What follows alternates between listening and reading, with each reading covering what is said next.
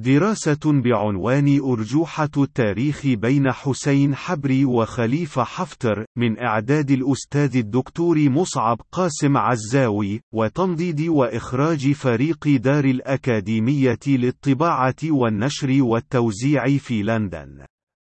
في محاكمة تاريخية في داكار عاصمة السنغال تمت إدانة طاغية تشاد حسين حبري بجرائم إبادة جماعية لأكثر من أربعين ألفا من مواطنيه خلال ثمانينات القرن المنصرم، بالإضافة إلى إدانته شخصيا بجرائم الاغتصاب، والتعذيب، والعبودية الجنسية،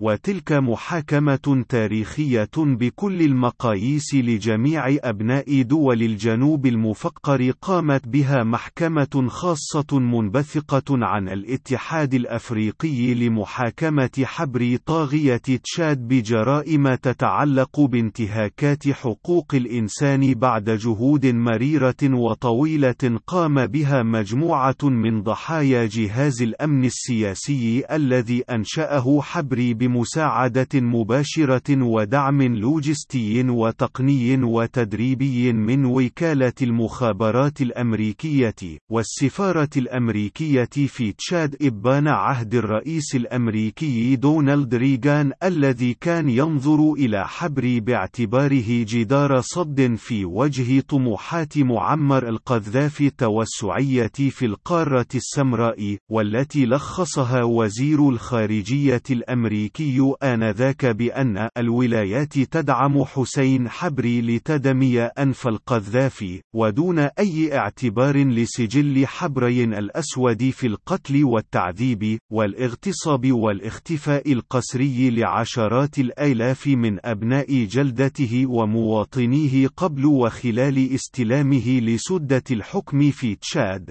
وبحسب ريد برودي مستشار منظمة هيومان رايتس وواتش والناطق باسمها فإن إدارة الرئيس باراك أوباما بذلت جهودا دؤوبة في تسريع محاكمة حسين حبري في المحكمة الأفريقية وضغطت على الحكومة السنغالية لعدم التراخي والتراجع عن قرار محاكمته كما حاولت أكثر من مرة خلال العقدين الماضيين من من نضال ضحايا حسين حبري لتحقيق العدالة وإنصاف من بقي منهم على قيد الحياة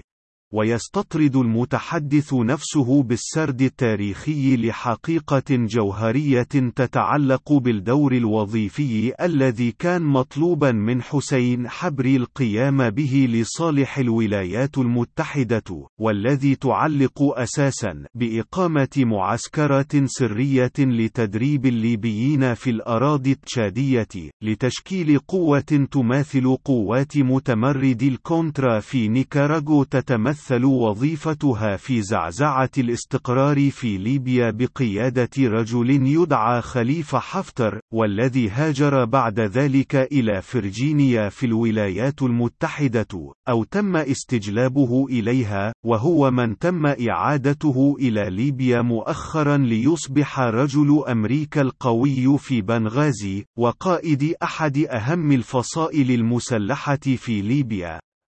نعم إنها صورة تاريخية مركبة تثير أكداسا من المشاعر الاستثنائية لدى كل عربي من المحيط إلى الخليج قد يكون أولها التفكر بأن كل جرائم حسين حبري وأجهزته الأمنية لا تستطيع أن تبز في وحشيتها وتاريخها الأسود أيا من طغاة العرب الذين أدمنوا التنكيل بشعوبهم. وإذلالها وإفقادها إفقارها إلى درجة إرغامها على القبول بكل الحيف الواقع عليها في مقابل البقاء على قيد الحياة وعدم الوقوع في براثن أي من أجهزة الأمن السياسي العربية، أو أي من استنساخاتها على اختلاف أسمائها، والتي قامت وتقوم بأدوار قمعية مهولة تقزم من الناحية الكمية والنوعية كل التاريخ الكالح لحسين حبري ونظامه.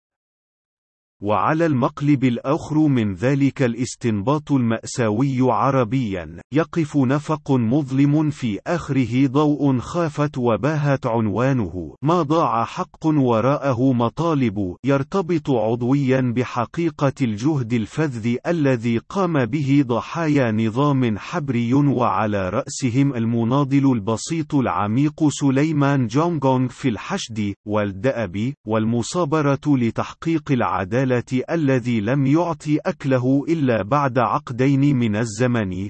وفي نفس السياق الأخير قد يكون اليأس الجمعي المقيم عربيا والذي تفجر بركانا في الربيع العربي قبل أن يعود إلى قمقمه الكئيب الذي لم يتغاير منذ نكسة حزيران وحتى اللحظة الراهنة. الحاجز الواجب التفكيك كمهمة أولى واجب القيام بها من كل ضحايا القمع والتهميش وقهر الأنظمة الأمنية العربية وخاصة لدى أولئك الذين يمتلكون إمكانيات الحركة والتعبير والحشد والتنظيم من منافيهم الاختيارية أو القسرية خارج حدود أوطانهم العربية وغيلانها الأمنية المسعورة في سياق يستلهم ملحمة ضحايا حبري في ثباتهم لتحقيق العدالة وإنصاف المظلومين ولو بعد عقدين من السنين العجاف.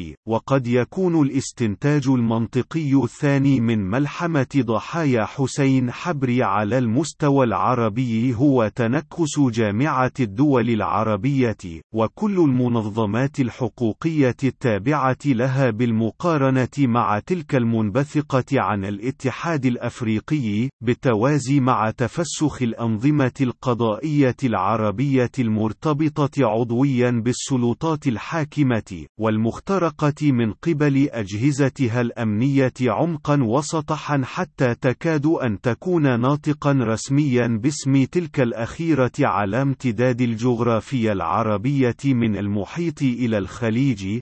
وهو ما يستدعي فعليا من كل القادرين من العرب المقهورين في مهاجرهم البناء على سابقة محاكمة حسين حبري والبدء بالعمل المجتهد لمحاكمة كل الطغاة العرب في أي من المحاكم المحلية في أي من الدول التي فيها استقلال نسبي للأجهزة القضائية والصبر والمصابرة إلى حين تحقق الظروف الملائمة الدائمة لتحقق العدالة ولو رمزيا لملايين المقهورين العرب الذين لا تختلف معاناتهم عن معاناة أي من ضحايا حبر وماكينته السادية. أما ثالث الملاحظات المنهجية من حكاية الجلاد حبر ومآلاتها يرتبط عضويا بالدور الوظيفي لعملاء الإدارة الأمريكية في دول الجنوب المفقر فهي تعضدهم وتدعمهم بكل ما يلزم للقيام بمهماتهم المطلوب القيام بها والتي ترتبط أساسا بالحفاظ على سلامة استثمارات الشركات الأمريكية العابرة للقارات في تلك الدول وضمان انفتاح أسواقها لتصريف نتاج الشركات الأمريكية سواء كان عسكريا أو غيره والحفاظ على حالة من الضبط المحكم امنيا وعسكريا لشعوب تلك الدول تضمن عدم وقوعها ضحية.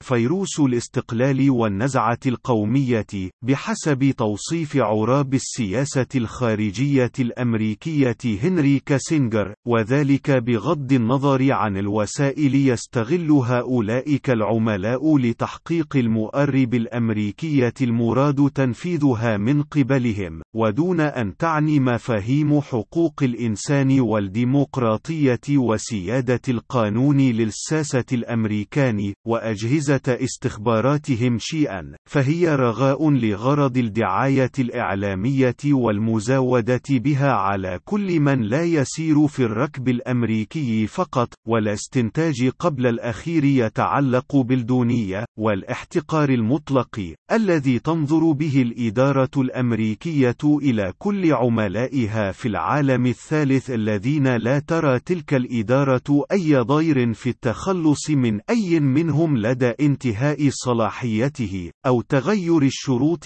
التي تتيح له تنفيذ ما هو مطلوب منه.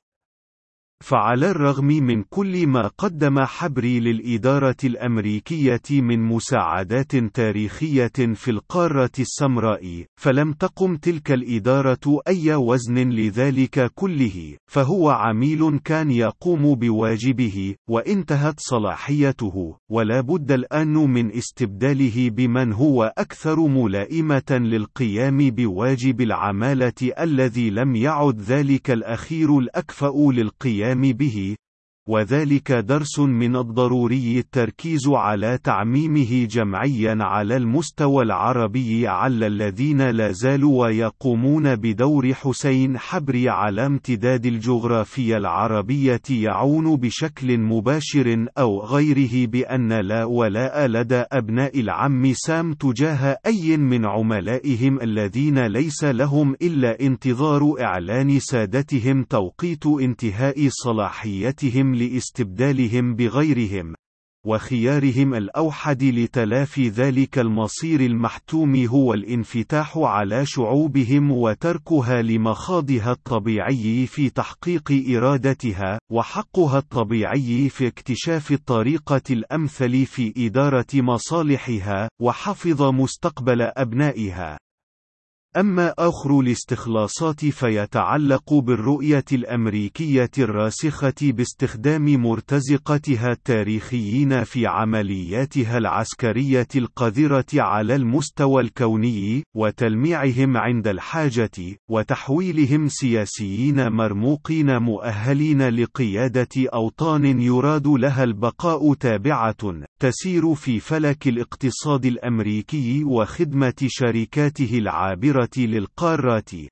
ولكنها أرجوحة التاريخ الثقيلة ككل جبال الأراضين، حركتها إرادة المقهورين والمظلومين التشاديين فرمت بحسين حبري إلى مزبلة التاريخ، فمتى يأتي دور خليفة حفتر واستنساخاته العربية؟